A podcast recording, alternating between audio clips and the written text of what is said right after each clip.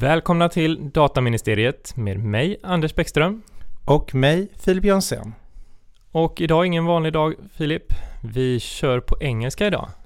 Det kommer vi göra, för vi har en väldigt trevlig och ganska rolig, eller väldigt rolig gäst. Ja. So I will welcome uh, Eduardo Usteran från Hogan Lovells, Global Co-Head of your firm's privacy and cybersecurity practice, right? Yes, hello. Uh, um, it's a pleasure to be here. Yes, I'm a partner based in London and leading our global privacy and cybersecurity practice at Hogan Lovells. And of course, you are not only like a lawyer in a law firm, you also published books, articles, uh, been a lecturer, speaker at uh, numerous conferences, IAPP and so on. You wrote, for example, The Future of Privacy seven years ago, I think, uh, published seven years ago, um, and so on and so on. Yes. Uh, yeah, it's a it's a busy life, the life of a of a data protection lawyer. Uh, lots of things to to learn and to to contribute. And uh, currently, you've been on fire regarding the Schrems 2 of course, on LinkedIn. We all seen your posts and articles. But uh, today's topic is actually not about transfer of data from the EU to outside of the EU. Instead, I would like to start with some more general topics like uh, who is the privacy professional?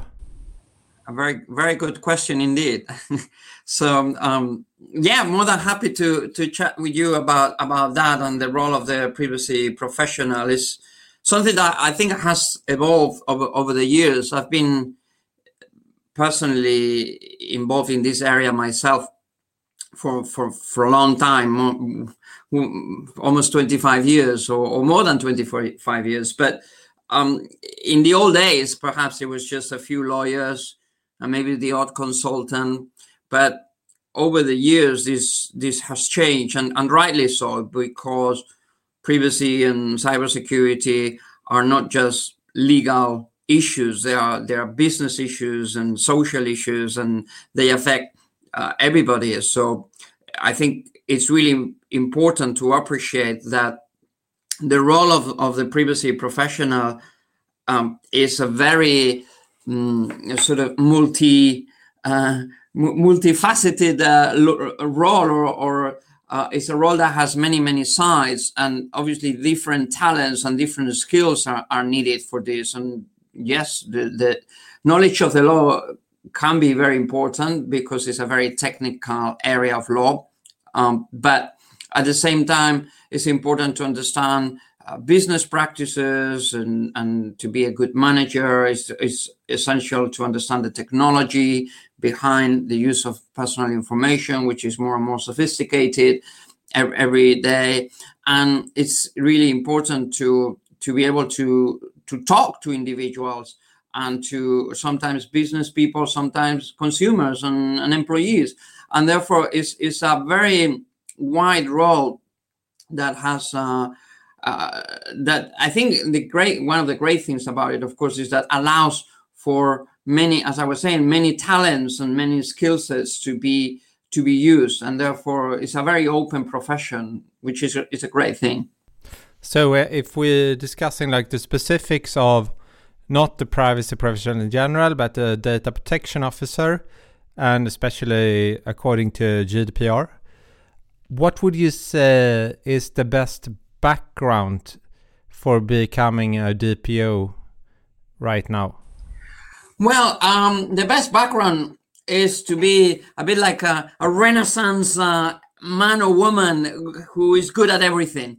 But but um, but I think in terms of the, the, the actual background, perhaps it's important to understand what the role of the DPO is really about, and because it's a new a new figure in terms of what the law requires, and it's a new um, tool, if you want, that the law is using to achieve its aim. So the, data protection law is there to ensure that data is, is protected and is looked after and, and, uh, and principles to do with uh, the right to, to data protection as a fundamental right are properly observed.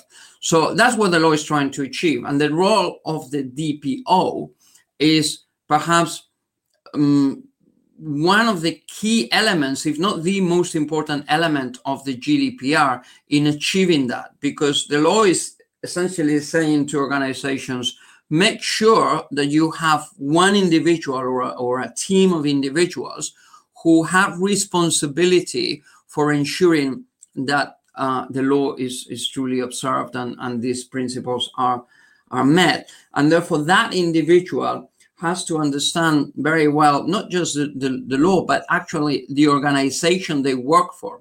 So to me, one of the, in terms of, you know, you're asking about background, a very important uh, piece of, of in, in, in that equation is to to do to have the, the background that allows you to understand the organization that you work for and the most effective way to communicate with your own organization and the people and the, the managers and the decision makers. So I think that in terms of background, that to me is is essential. And then each organization, of course, will be different and, and th- there'll be different elements that are, are, are relevant. But that's how I would frame it in the first in the first instance. Anders, what's your comment to that? You've been a DPO, right? Yeah, I've been for a couple of years, and I I must say that I'm really flattered with the first picture that you painted, kind of. Uh, the like Renaissance. Be, yeah, exactly. Like being uh, some sort of Leonardo da Vinci. uh, that that re- really appeals to me. But but um, at the same time, I, I completely agree with you that perhaps it's not it's not as easy as it is in um, in, in directly from the law being kind of a superman or superwoman. But uh, yeah really interesting i think. But would you say that there's been a huge difference from the old dpo according to the directive and the new dpo according to gdpr i mean my uh, like 15 years ago or 10 years ago even or even maybe 7 years ago i found that some organizations appointed the dpo more like a, a figure that yeah we should have a dpo but in fact they didn't get any like uh, resources or time and so on. Yeah i, I think um, as i was saying the, the role of the dpo is all about um, having some influence on the organization. So if you think about it, if you, if you work for an organization, whether it is large or small, and your your function is to influence some decisions about compliance, and, and those decisions are business decisions that involve budget and resources and time frames and priorities and all these different things that are relevant in, in business. So if your role is to to to have an influence on on that so that the organization makes the right decisions in relation to to the use of data it is very very important to be well resourced and well regarded and in the right part of the business and uh, and that, as the law says, you, you need to be able to report to, to the highest level of management precisely because of that reason. So, um, yes, o- over time, this role has changed and will continue to change. And in the same way that we have seen that data protection has evolved from being something uh, that was quite um, sort of strange and very nerdy and something that was not really a, a business priority to becoming a, a, a, business priority as it is today. And, and, and a lot of the really key decisions that are being made by businesses across all sectors have privacy and cybersecurity and data protection as a, as a main factor. So when the, when in the same way this area has become more business critical, the role of the DPO is is more business critical than it was three or four or five years ago, uh, even before it was a requirement of the GDPR. So of course that that is. Um, I mean that that is the advantage of that role, but of course the the responsibility behind it. So tying back to what you just said, that the evolving um, of data protection laws. So you wrote in 2013, as I said, a book called The Future of Privacy. So I guess you wrote it in 2012. Um, the same year as we saw the first draft of GDPR from the Commission. How far away from the truth, or how well did you predict the future? um, well, the good thing about um, predicting the, the future is that if you don't get it right, it doesn't really matter. There's no liability attached to, to predicting the, fu- the future incorrectly. So, um, unlike most things, uh, you, you get things right, you get things wrong. But um, that the idea behind that, that book of the future of privacy was, first of all, that at that time, with the, the GDPR had just been launched by the European Commission as a, as a proposal. It was a way of, a personal way, if you want, of trying to uh, have a say and to step out of the, the, the, pure text of the proposal for, for, for a moment and say, okay, let's look at this in a, in a wider context. Like, let's take into account the things that are happening right now that, and that are likely to happen in the future. And in that book, I talk about how technology has evolved in such a way and will continue to evolve in such a way that that will shape the future of, of privacy and, and law. And I also talk about how um, data has become so valuable.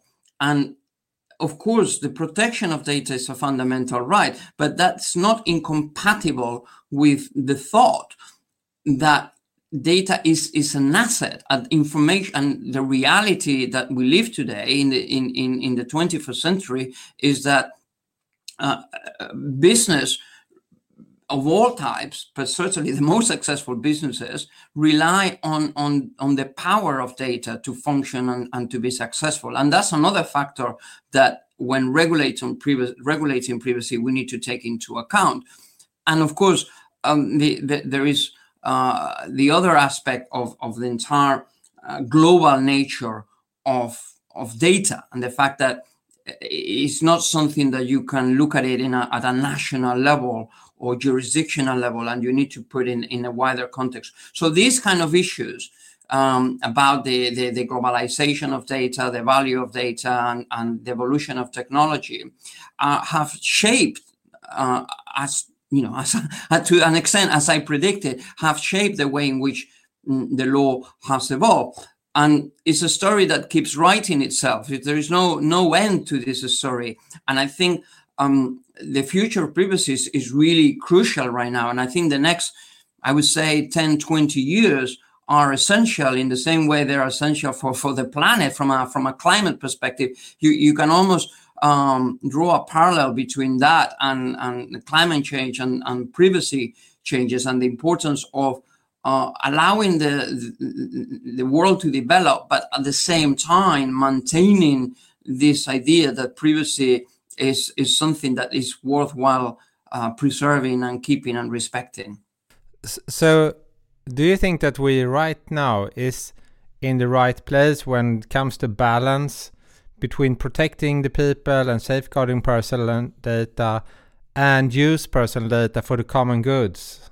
So it's a really, very good question you raise, and I'm always very careful not to frame this as a um, as a trade-off.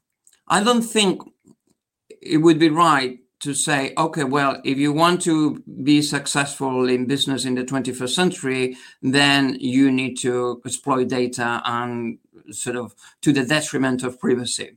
And I, because I don't think that's right, and I think it's um, if, if you if you go down that route, you end up uh, having a dispute as to how what is really more important. And the thing is, everything is important. You know, pr- prosperity and and what, what I you know the philosophy behind behind the book of uh, the future of privacy is precisely that that prosperity is important. Um, and you know, we we all want to to live a prosperous and successful life. At the same time, privacy is important because freedom is is and, and privacy is linked to freedom so the key is how to ensure that we can have both and to be honest how to complement them and how to ensure that the again preserving privacy and, and, and enabling uh, privacy and data protection becomes part of the success of of, of human progress and, and how to make it compatible. And technology is important in, in doing that. And there are um, many, many, many technological developments around uh, encryption, um, pseudonymization, and, and security by default, and, and data protection by default that are precisely aimed at achieving that and achieving a, a future that is prosperous and is, is good for business and, and the economy and so on, but is still respectful of, of privacy as, as a value and as a right. I fully agree with that. And I also have a question regarding like, because uh, you also refer to GDPR as a dimmer. It's not like a switch on and off. So it's uh, like uh, a scale and a risk based approach is one of the great benefits of GDPR uh, according to you and myself and Anders and many more. Um, but it's the current debate is more black and white. I think it's sometimes I, I get the feeling that there are on the one hand the business, and on the other hand, like um, I'm not going to mention any names, but the people that defending the right privacy to any price and like striking down the privacy shield and, and so on. And all of a sudden, everything becomes a little bit unclear. You don't know what's allowed. And probably, I mean, th- this is my opinion. I'm not sure that's actually to the benefit of protecting personal data. It could have like the contrary effect. Yeah, I think it's important to to be realistic about things because when you frame things in a sort of black and white type situation, it makes it easier to understand. You know, this is this is this is good, this is bad, this is uh, um, uh, the right thing to do, this is the wrong thing to do, this is what you can do, this is what you cannot do, and in a sense, it's an easy way to understand things. But life is not like that, and, and the world is not like that. It's not. It's not so clear cut, and in in this area where you have to um, balance all these uh, different interests in order to achieve the best outcome it's very difficult to say okay well all we need to do is uh, you know respect privacy protect data keep data in europe apply the highest standards and all that and, and the rest of the world should just follow europe. Because okay, politically, that may be uh, uh, an objective, but it's never going to be something that actually happens in the real world. In the, the world is much more um, gray and nuanced than that, and, and, therefore you need to. It's important to to be realistic in in that respect, and but of course that's more difficult because you, you were referring to, for example, the, the issue about international data transfers and, and the Schrems case. And it's a lot easier to frame that in a way of saying, well, uh, what needs to happen is the data either stays in Europe or the US changes its law. But that is not what it what first is not what the the court said, but also is not what is actually going to happen in the real world. So you need to you need to be um, able to to to to adapt. And you need to be able to be realistic about what is what is truly happening even though that's that's complicated but that that is the world is complicated. Well we said that we wouldn't go down that way down that road with the uh, third countries and all of that but since we kind of ended up there anyways So, if I understand you correctly, you still think that it's well, it's not like we said black or white regarding uh, transfers to third countries, and I guess that uh, when we talk about third countries, we well, to be re realistic, it's mainly the US uh, that it's kind of the problem, but also many times from a business perspective, perhaps the solution to other types of problems like sharing data or, or uh, working together easily. Do you still see that it's possible for companies to actually transfer data to the US? And how far do you think that companies should be investigating US law? So, first of all, the answer is yes, it is possible. And it, it is possible because it has to be possible. The reality is that the world is not going to stop. And by the way, it's not just transfers to the US, it's transfers globally because the data flows globally. It goes to the US, it goes to China, it goes to India, it goes everywhere. So, um, that is the reality. The question is, how do you adapt to that reality in a way that follows uh, what the law requires. And what the law requires is that, and, and this is a very important principle under European law and has been the same for 25 years, that the protection of the data has to follow the data. That's what essentially the European Court of Justice has said that that protection, that European standards of data protection must follow the data, irrespective of where it is in the States or anywhere else. So the question is, how do you do that? and how do you handle uh, in that particular uh, in that particular case the, the, challenge is how do you handle situations where uh, government bodies have the power to have access to this data and use it for their own purposes in a way that could potentially be uh, disproportionate from, from a European perspective. So that that is a question. The, to be honest, the U.S. Um, is probably not the most difficult country in the sense that uh, when you look at the US as a as a country, first it is a democratic uh, nation. We, we, you know, we, we, we are in an election year, and and and the, the country is going to decide the next four years of uh, of their history, uh, and it's essential. And so that we have uh, a democratic country that is uh, transparent in the sense that it is very possible to understand the the scope of the laws and the limits of those laws around um, government access to data. So the information is out there, but of course, law is not mathematics, and and in an area like this one that has a very important political dimension and national security dimension. It, may, it, it is complicated, but information is, is out there and is subject to interpretation. And of course, what we see is that the European Court of Justice has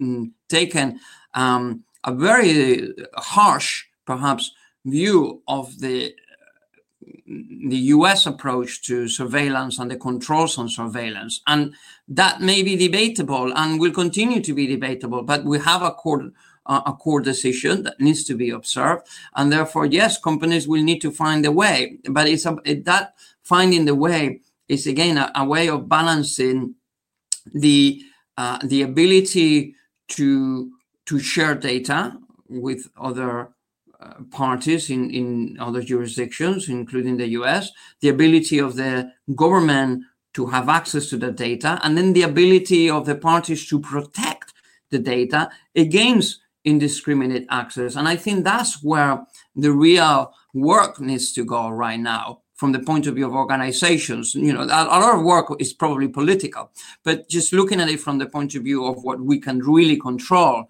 which is what kind of organizations sharing data or, or, data to the US or other jurisdictions can do is to try to control uh, how that access actually happen, uh, whether it can be challenged, whether it can be limited, whether it can be um, uh, disclosed uh, to, to, to, to third parties. So I think that is the type of um, approach that companies can and should be taking right now in order to overcome the the, the, the requirements and the, the, challenge that the, this court decision has placed on us.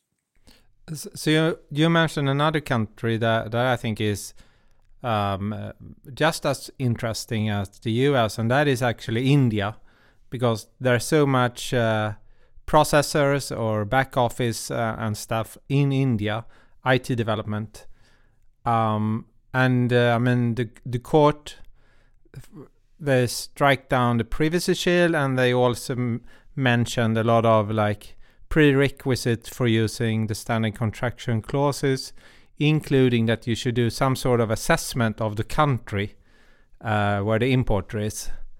And uh, for some organizations, of course, they are large, they have the muscles and uh, resources to investigate, but the majority of organizations are fairly small.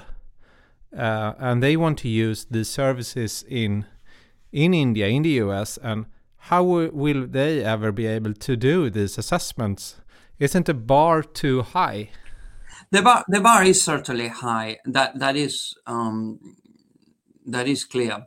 I think in terms of transfers of data to service providers, whether they are in India or, or anywhere else, I think the onus is on the service providers themselves to undertake that assessment. That's how I see it. And that's what I see some of these companies in that role uh, are doing. So if you are a service provider, a technology company that uh, provide services out of India because that's where you have, as you say, the development teams or data centers or, or support services or you know the, whatever the, the, the, talent that, that is obviously there uh, that is important to the services that you provide. Then as I'm saying, the onus is on you as a service provider to be able to say to your customers, look, this is the data that we this is the service we, pr- we provide uh, this is the data that we process on your behalf. And this is the realistically speaking this is the potential access that a government or our government or our uh, public authorities can have to the data under these rules under these uh, national security rules or law enforcement rules or laws and, and so on and try to provide um, that information and comfort to those customers in Europe so that they say, look, uh, at the end of the day, uh, governments have powers and you know that is part of a government being a government. But uh, those government those powers can be limited and can be um, um, studied and, and and and challenged perhaps sometimes. And this is what we do and the reality is that uh, what the court in, in, in the Schrems case was concerned about is not just in general what powers governments have or the US government has to, to, to access data, but what powers uh, can be exercised to access data in a disproportionate way, to, to in a way that goes beyond what would be seen as a, as a in using the the word of European law, what is what goes beyond what is necessary in a democratic society. So that is what what goes beyond what would be reasonable to understand that a government is going to be able to do in order to to to offer their uh, their services to to its citizens. And I think it is that type of assessment that service providers can undertake and should undertake in order to give comfort to their customers as you mentioned, the US is a democracy, and a lot of India is a democracy, and uh, a lot of countries are democracies, most actually. And is it clear what is like disproportionate or proportionate in a democracy? Uh, it's it's not clear. It's not clear. Of course, it's not clear because um, I mean we are seeing in again, almost democracy is not is not a black and white type uh, situation as we are seeing in countries around the world right now. Um, you've got countries that are uh, have evolving um, regimes that, uh, that maybe they weren't democratic and they're becoming more democratic, or vice versa, uh, even within Europe. So I think um, is is is an is is not a concept that you say okay uh, we have these two categories of countries the democratic ones and the not democratic ones. It, it doesn't work like that. And the reality is that even the not the, the one that you could say well this is not a democratic country because they don't have free elections or whatever whatever however whatever criteria you use to, to define a democracy um, these are still countries that operate in the world and that we go to and that we we we do business with and that um, it's not like the West has said, oh, uh, we are only going to trade or, or, deal with countries that meet our standards of democracy. And I know I appreciate that um, there is a there is a debate, an ongoing debate about that right now. But again, data transfers. The reality about data is that it is global. The internet is global, and the way in which we live, and even more so today, where we, rely on communication so much, uh, on, on digital communication so much, we need we need to accept that that's a given. And the question is, how do you uh, how do you strike the balance? How do you find a way to to to to demonstrate or to satisfy yourself that whenever data is is being used or is being exported, there is a, an adequate level of protection, a, a, a, degree of protection for the data that you could you could say um, meets meets the legal the legal standards. And sometimes you'll get it right, and sometimes you'll get it wrong. And that that but that again that is a reality. That doesn't mean we should give up. Uh, that doesn't mean that um, we should close the door either. I think the, the question it, this is an, this is going to be an ongoing challenge for the foreseeable future because of the way in which um, in which things are, are going. So, so, another side to this uh, coin is that you have mentioned that um, one of the overall aims of GDPR is putting the individual, what we lawyers call the data subject, people, in control of their data. And now, I mean, in this case, for example, we are actually saying that no, you you are not um, in control of your data because um, the company you entrusted with your data can't send it to certain countries without proper like uh, agreement in, in place and so on. Um, are we saying that people actually can't take informed decision in their best interest? Wow, this this is a, a, a very very interesting but very very difficult, almost philosophical topic because the thing is, European data protection law, which you know many people see as the real data protection or the origin of, of true data protection law, um, has always been based on this idea that it's about data protection law is about giving people control over their data or, or a degree of control over their data. And that concept was easy to explain and to maintain maybe 20 years ago or 30. But as time goes by and as technology has evolved, I think it's very obvious, or it should be obvious, that it's much more difficult to maintain that the, the, the, one of the pillars of data protection now and in the future should be about putting people in control. That's not to say that people should not be given the opportunity or, or we we as individuals should not uh, should give up. We shouldn't give up in in uh, in having a say um, in terms of what happens to our data.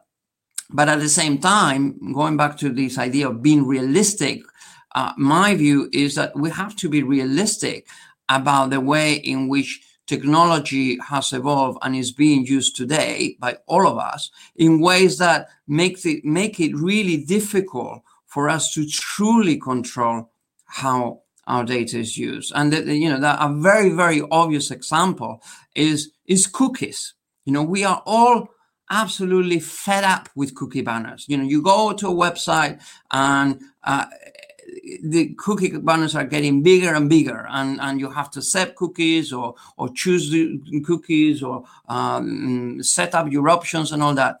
The reality is that, and I think mm, there is a lot of evidence to, to, to that shows this, is that most people don't really uh, want to to control that. They don't.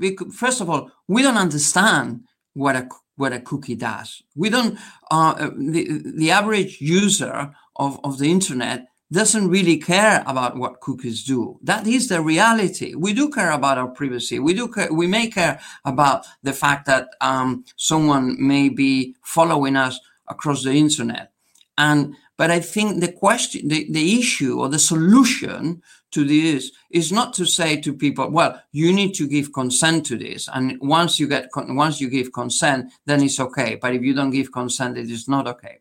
Because the, the resulting um, situation is that we all end up clicking on the big button that says consent. 99.999% of people will do that. And therefore, uh, we've lost consent, we lo- we've lost control because we just consented without knowing or without wanting to know, and the, the use of the data is there. So I think uh, we, this is this is a, an issue which I think requires a lot of thinking in terms of whether we want to pursue a legal framework and a system of protection that relies so much on on on the control exercised by individuals, which is becoming so difficult, or uh, it relies more on the obligations and the accountability. And of course, this this is one of the new areas of the GDPR as well. But the accountability of organizations in terms of how they use data. Even if, if even if it's not within our control, so I think that that is a, a, almost as I said a, a philosophical debate about what should be the pillar of of the future framework of data protection. I agree with the cookie banner because we, we used to have the small cookie banner at the bottom, and you either you can just continue to to surf or you just clicked OK, and now uh, a lot of pops up all over the screen, and you can't click OK because you have to go into like different settings. And at least myself, and I'm I'm I'm a little bit techy. I still don't understand all of these different cookies. One view is uh, that some say that you own the data, you don't control the data. So, what's your opinion? Who is actually owning the personal data? Yeah, I mean, mm, for example, the personal data um, is, as I said, is an is an asset, right? So, from the point if it has value, and there is a danger in saying, of course, that something has value because people think, okay, well, so how much is it worth, and who should who should own that? And it's a dangerous um, way of thinking in the sense that then you you just give a value to everything automatically, and then you just buy it. You you, you know, it's just a matter of how much is worth and how much uh, do we need to get paid for our data.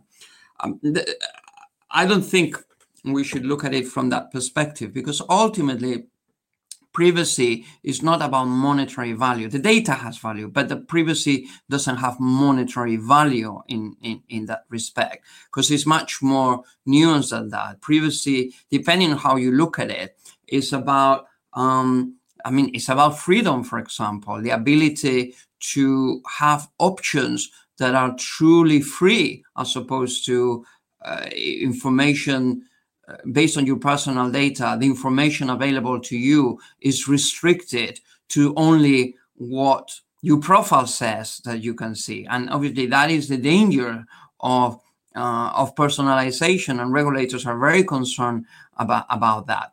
But the, so in in that respect, yes, individual control has a role to play in saying, well, um, I am happy with a degree of personalization, but I also want to have a free choice, and I want I want to be able to function uh, in some cases in an anonymous way or in a way that uh, you don't follow me all, all the time. So I think there is mm, there is a role for a degree of control. So I'm not saying that that has to go out of the window.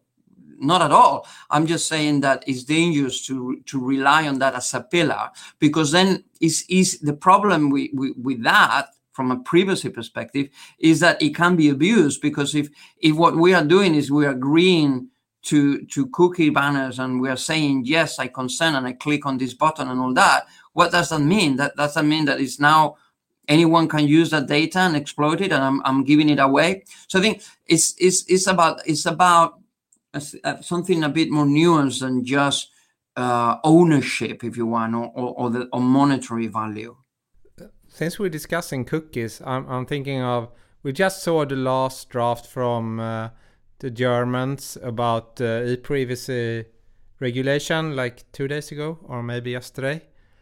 Um, and they've been discussions like for years. Will we ever see an e-privacy regulation?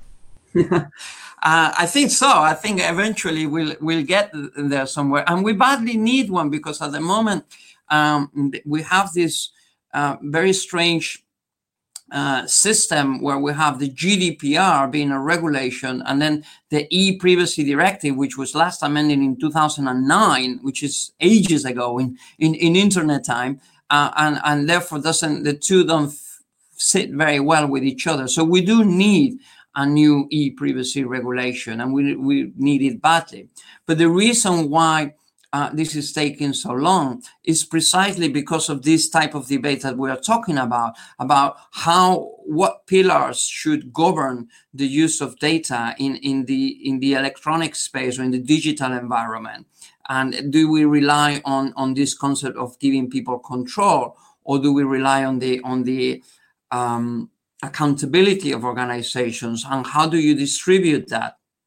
And that is a very complex pro- problem which has also political dimensions. And that's why there is there is no agreement among amongst the member states and amongst um, those involved in in in this debate. Uh, eventually there will be an agreement i i assume and uh, we'll see. But i really hope that um, again with any law that is is passed that is not something that works well from the point of view of let's say voters or or or something that you can you can put in a speech and and people like it. Is something that actually works. And there is a lot to be said for example in terms of the GDPR of how eventually and that took a while as well but and it was a much complex piece of legislation. But one of the elements of the GDPR that I think has worked out really well is this idea of the risk based approach that the law is very complex, but the, the law applies and the, the, um, the provisions of the law apply in slightly different ways depending on the level of risk to, to, to individuals. And I think that type of approach, which is more flexible, is difficult, but it's flexible, uh, is something that it, it suits well this area that is changing so rapidly. I'm just cu curious. I'm always interested in hearing experienced privacy professionals' reasoning, but I'm also interested in hearing what experienced privacy professionals think that newcomers in the privacy world actually should start with how do you uh, actually begin to take your first steps within the privacy community or privacy area?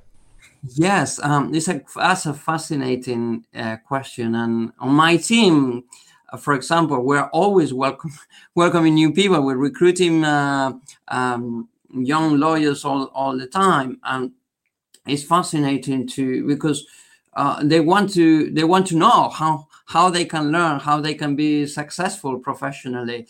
And um, and I think one thing to to understand is that in this area of law you never stop learning. You know I've, I've been around and looking at this for, for over 25 years and I'm learning things every day. So in, in you have to approach it from that perspective.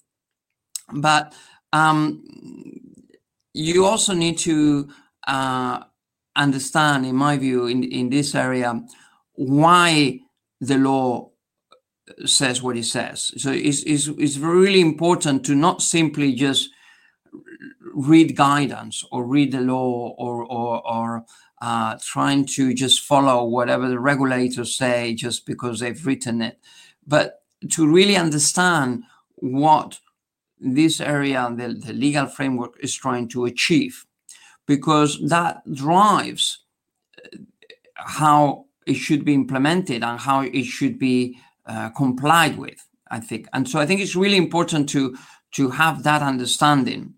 And I think for for for young people entering the profession, uh, first of all, you've chosen a great a great profession because I think um, we'll, we will always be needed. I think as uh, in the way uh, technology, uh, anyone that works in technology will always be needed because there will always be uh, a new new innovations and new ways of thinking. So uh, in this area, of course, the need is there and the need is changing, but the need is growing. So it's important. It's, it's, it's a good area.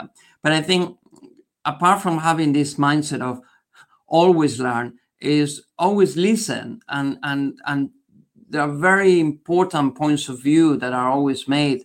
Uh, regulators and policymakers and industry leaders and um, and those uh, who who think about these issues. So I think it's important to understand the different points of view, and then um, just um, try to contribute to it by by uh, applying your your energy, your enthusiasm, and uh, and your intellect. And I think it, I, I, wrote uh, a blog a couple of years ago about uh, the, the, the the need for the privacy professional, and, and my my point there was that uh, we need every every single brain out there that to contribute something because I think uh, it, this is a, this is really a, a, team effort. So I think um, I'm not sure if that's helpful to the, to anyone looking for a job right now in this area, but I think it's it's something that uh, everybody wants to everybody should think about.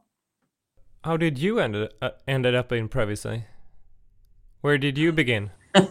how did how did I uh, start and, and ended up doing this? Well, um, I was um, I was a paralegal in a law firm in in the mid '90s, and a partner there said, "Oh, a client is asking a question about this area of law that nobody knows anything about.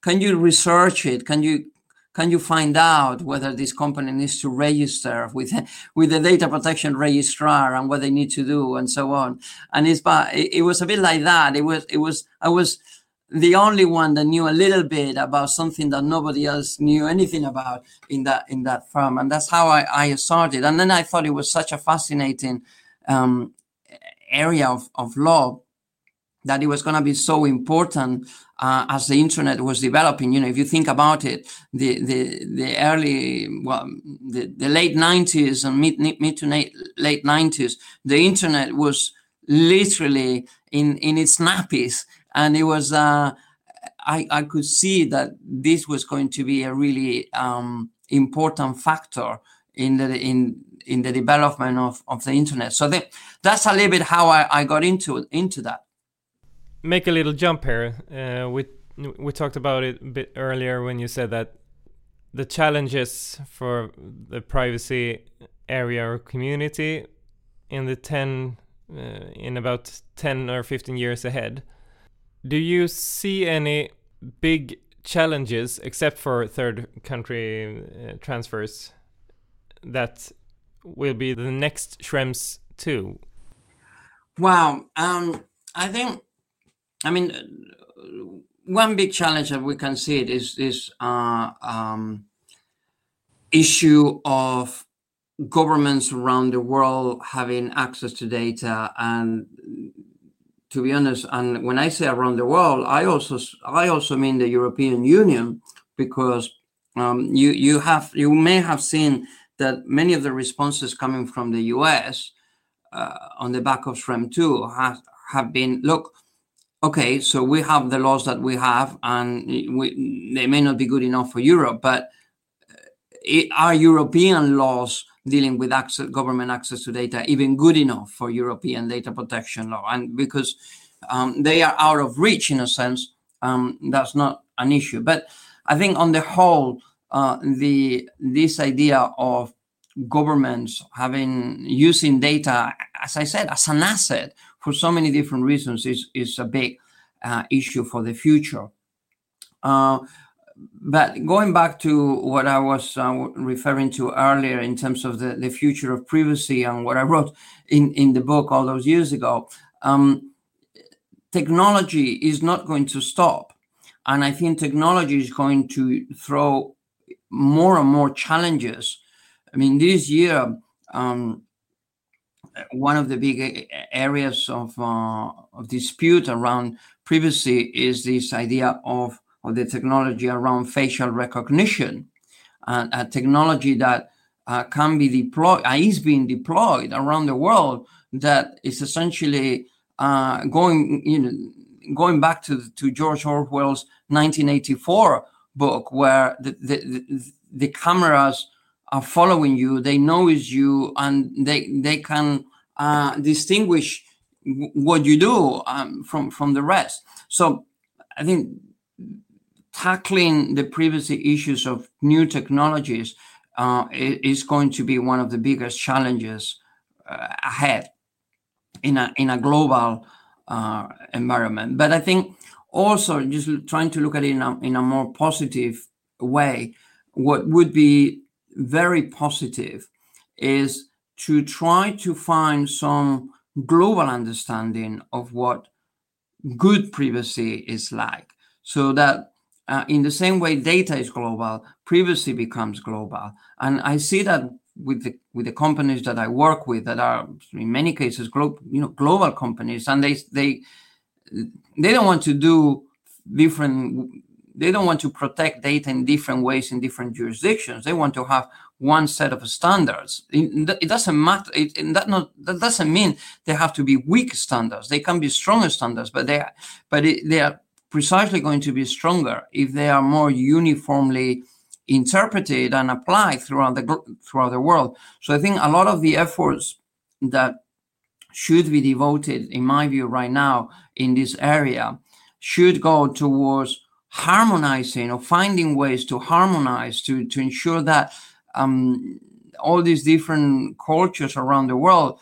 have find what they what we have in common in terms of the protection of privacy and data and try to uh, come up with frameworks that are as consistent as possible with each other. So those those those are some interesting challenges that we are facing over the next 10, 10 years plus. Uh, and do you think it's possible? I mean looking at our history we can look at at the member states or globally preferably and uh, we have so different concepts of what is important and even what what privacy is about.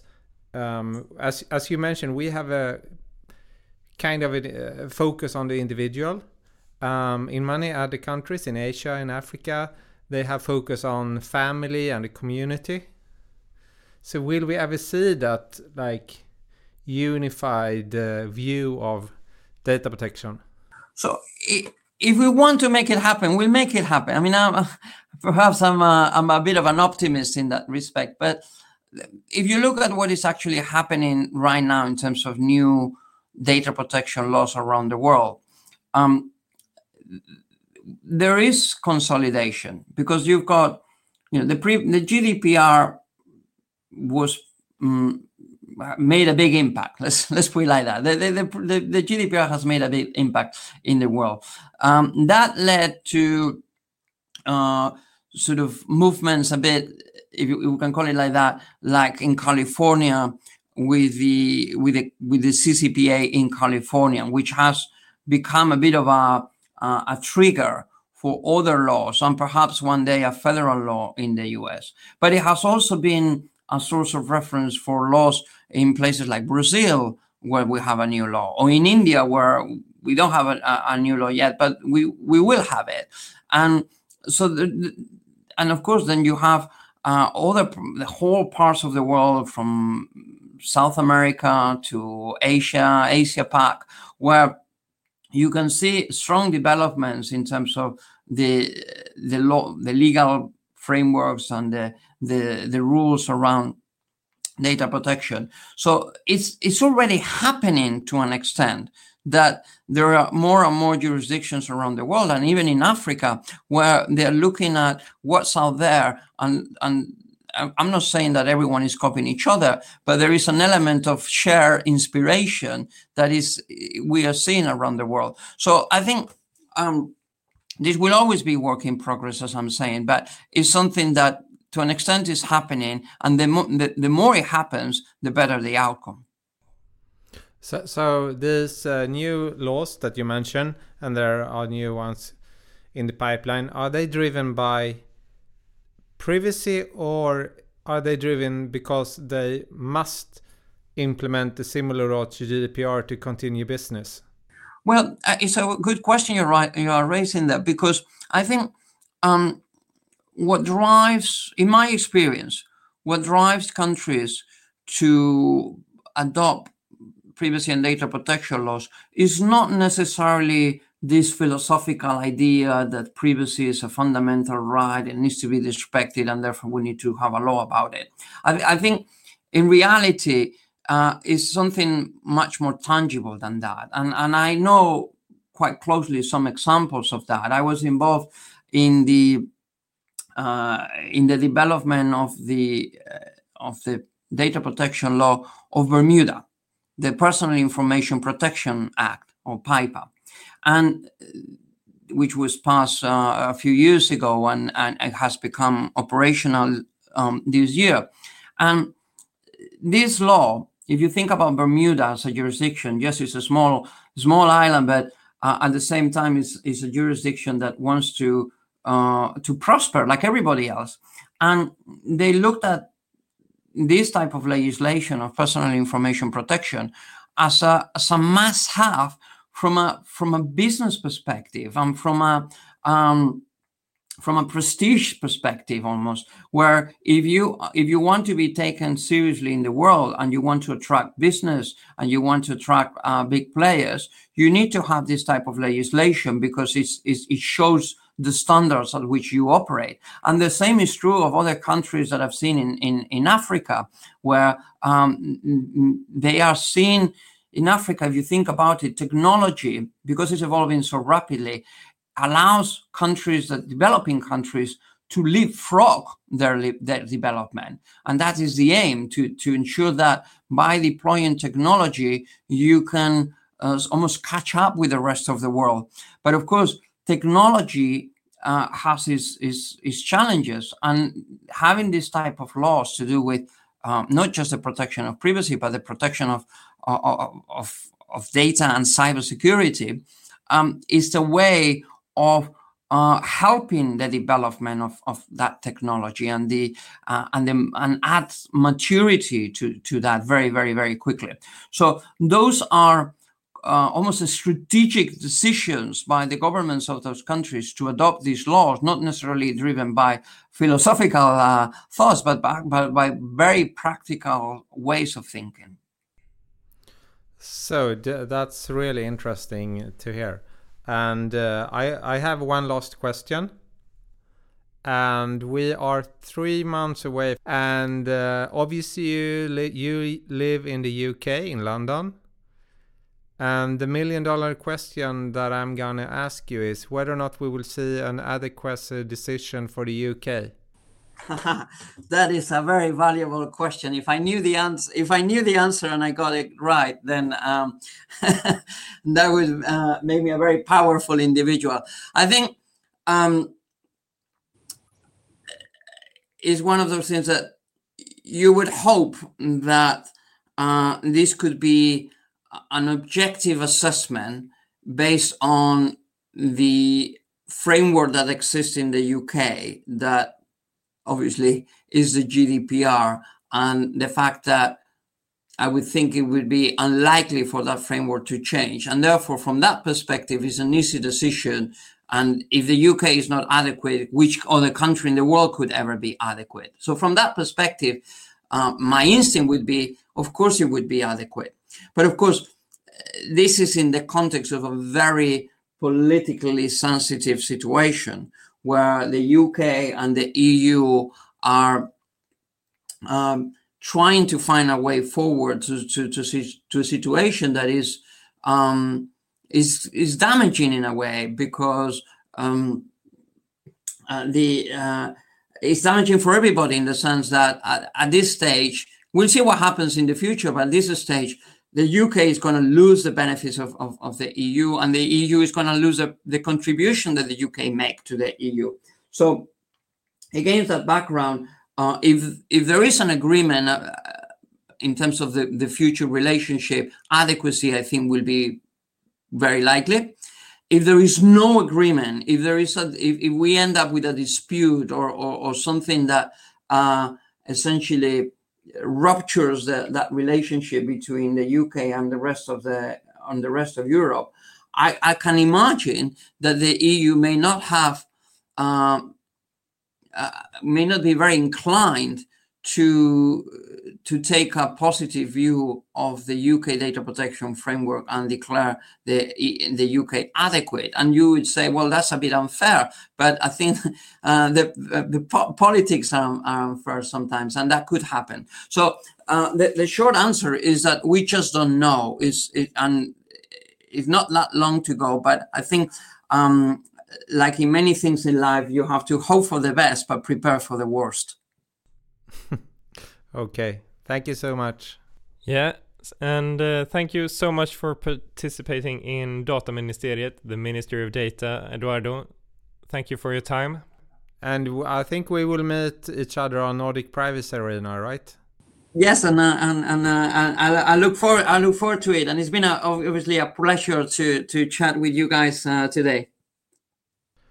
Okay, have a great evening, Eduardo, and thank you so much. Yeah, thank you. Take care. Bye. Ja, Filip, vad säger du om det där, Eduardo? Ja, fantastiskt. Uh, jätteintressant, superintressant um, att höra åsikterna från honom om, om mycket bredare perspektiv skulle jag säga än många av de här lite knastertorra juristerna som kan rabbla saker fram och baklänges. Mm. Skulle du säga att han har lite mer affärs... Ja, men det är en kombination av juridik, affär, filosofi. Mm. Som jag verkligen tycker om. Ja, ja det förvånar mig inte i och för sig. Jag tyckte också att det var väldigt, eh, väldigt bra. Många bra grejer att komma ihåg. Att komma ihåg lite mer, ja, nu har vi pratat så mycket engelska här, men the big picture. Alltså att man verkligen förstår sammanhanget. Eh, och det som faktiskt också då står i, eh, i dataskyddsförordningen också.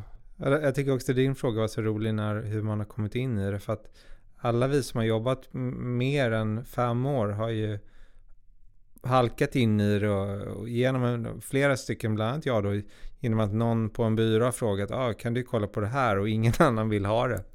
Ja, ja men eh, det var ju nästan så för mig också i och för sig. Men, eh, nej, men det, det känns ju som att det, nu är det många som kommer och har läst extra kurser liksom i, på universitet eller att man har fördjupat sig tidigare eller så. Eh, det, ja, nej, men det, det är intressant. Det är kul att höra på alla då, vad, som, vad, man, vad man börjar någonstans. Ofta är det ju lite sådär, det var väl ungefär samma med Erika Viking Häger va, som hade fått börja titta på de där frågorna. Eh, ja, stort sett hon och en till. Mm. Ja, men jag, jag är eh, imponerad av alla de som har hållit på i, i 25 år. Det är liksom um, nästan idoler såklart. Då känns det ju som att man faktiskt uh, har lärt sig lite också. Ja. På de åren. Men sen, uh, jag vet inte om jag ska se det som positivt. Det här kring e-privacy förordningen och jag blir lite orolig också när jag hör det här. Vad tänker du då? då? Nej men att man ska få en teknikneutral lagstiftning och den har ju liksom pendlat lite fram och tillbaka i, beroende på vilken ordförande det har varit och hur de har draftat det. Att eh, ibland så har den varit väldigt teknisk, att man har typ nästan rabblat vilka typer av spårningstekniker och ibland har det inte alls varit det. Och nu, jag har faktiskt inte riktigt hunnit läsa den här som kom häromdagen. Nej. Från det tyska ordförandeskapet. Jag bara läste någon blänkare om att det här med intresseavvägningar skulle vara borta. Men jag låter det vara osagt om det är så eller inte. Alltså, um, Nej men det jag tror ju inte att vi kommer se en, eh, så, en e-privacy-förordning inom överskådlig tid. Nej. Vad tror du om det som eh, vi också frågade Eduardo om då? Med Brexit och med eh, ja, adekvat beslut? Ja men där tror jag han har, han är spot on där att det finns såklart en stor vilja men samtidigt finns det också ett ganska stort motstånd och en liten svårighet nu efter sommarens eh, rättsfall då, Schrems 2 att, att man ska göra den här ganska djupa analysen av det andra landet och vilken andra lagstiftningar de eventuellt har som då skulle underminera skyddet. Övervakningslagar och tillgång till data precis som han nämnde. Nu är inte jag alls någon expert på Storbritannien men så vitt jag vet har de ganska omfattande rättigheter att ta del av information. De har ju också varit utsatta för en, en mängd terrordåd historiskt. Jag tänker bara sådär att det, det som blir lite en konsekvens av Brexit så är det ju såklart att Storbritannien inte är med och bestämmer längre. Ja, alltså nej, de är inte med i EU. Nej, man kan ju liksom inte vara med och påverka själva beslutet om adekvat skyddsnivå på samma sätt som man hade kunnat Alltså med ett annat liknande land, säger vi. Ja, men en stor skillnad är ju att, som Edward var inne på, det är ju faktiskt att när det gäller den nationella säkerhet och inte en eh, säkerhet inom landet och så vidare. Det är ju faktiskt, har ju inte ens EU rätt att stifta lagar om. Utan en stor del av det är ju utanför EUs mandat. Mm. Ja. Det, men det är ju inte utanför EUs mandat att säga att andra lag, länder måste ha en viss typ av lagstiftning. Så att även om det är en jätteintressant påpekande av många nu och säga att de europeiska eller EU-medlemsländernas lagstiftningar är inte tillräckligt bra i sig. Uh, om det nu är så, jag har ingen aning. Men det spelar ingen roll för de är utanför mm. liksom EUs omfång. Mm. Um, men det är inte tredje lands motsvarande lag. Nej, precis. Nej, men jag tänker mer sådär att det kan vara lite Jag tänker ju att Tyskland och Frankrike båda får ganska mycket större Alltså kan ta ännu mera plats när Storbritannien inte är med. Ja, men uh, på lagstiftningen ska vi inte komma, glömma heller att EU-domstolen har ju underkänt lagstiftningar till exempel när det gäller datalagring. Mm. Så det är ju inte så att de bara går på tredjelandslagstiftning. Ibland går de ju även på lagstiftning inom EU. Mm, det kan hända. Så att uh, där var det ju så att jag kommer inte exakt ihåg exakt vad de var de ogiltigförklarade på men det, det var ju bland annat dataskyddsdelen. Um, men en, annars så har vi att se fram emot under hösten. Efter dagens avsnitt som ni nu har lyssnat på med Eduard Ostrand så har vi andra spännande gäster. Ja. Oklart vilka. Ja, så kan man Men väl säga. vi vet att vi har många trådar ute. Vi försöker fortfarande och om någon lyssnare kan hjälpa oss. Vi vill jättegärna ha hit politiker. Precis. De är hittills ganska svårflörtade. Mm. Än så länge är det så. Det kanske ändras. Det kan ändras över en natt. Ja. ja. Annars är det väl bara att önska alla lycka till i dataskyddsarbetet. Ja, men det gör vi va. Tack så mycket för att ni lyssnade. Ha det gott. Hej då.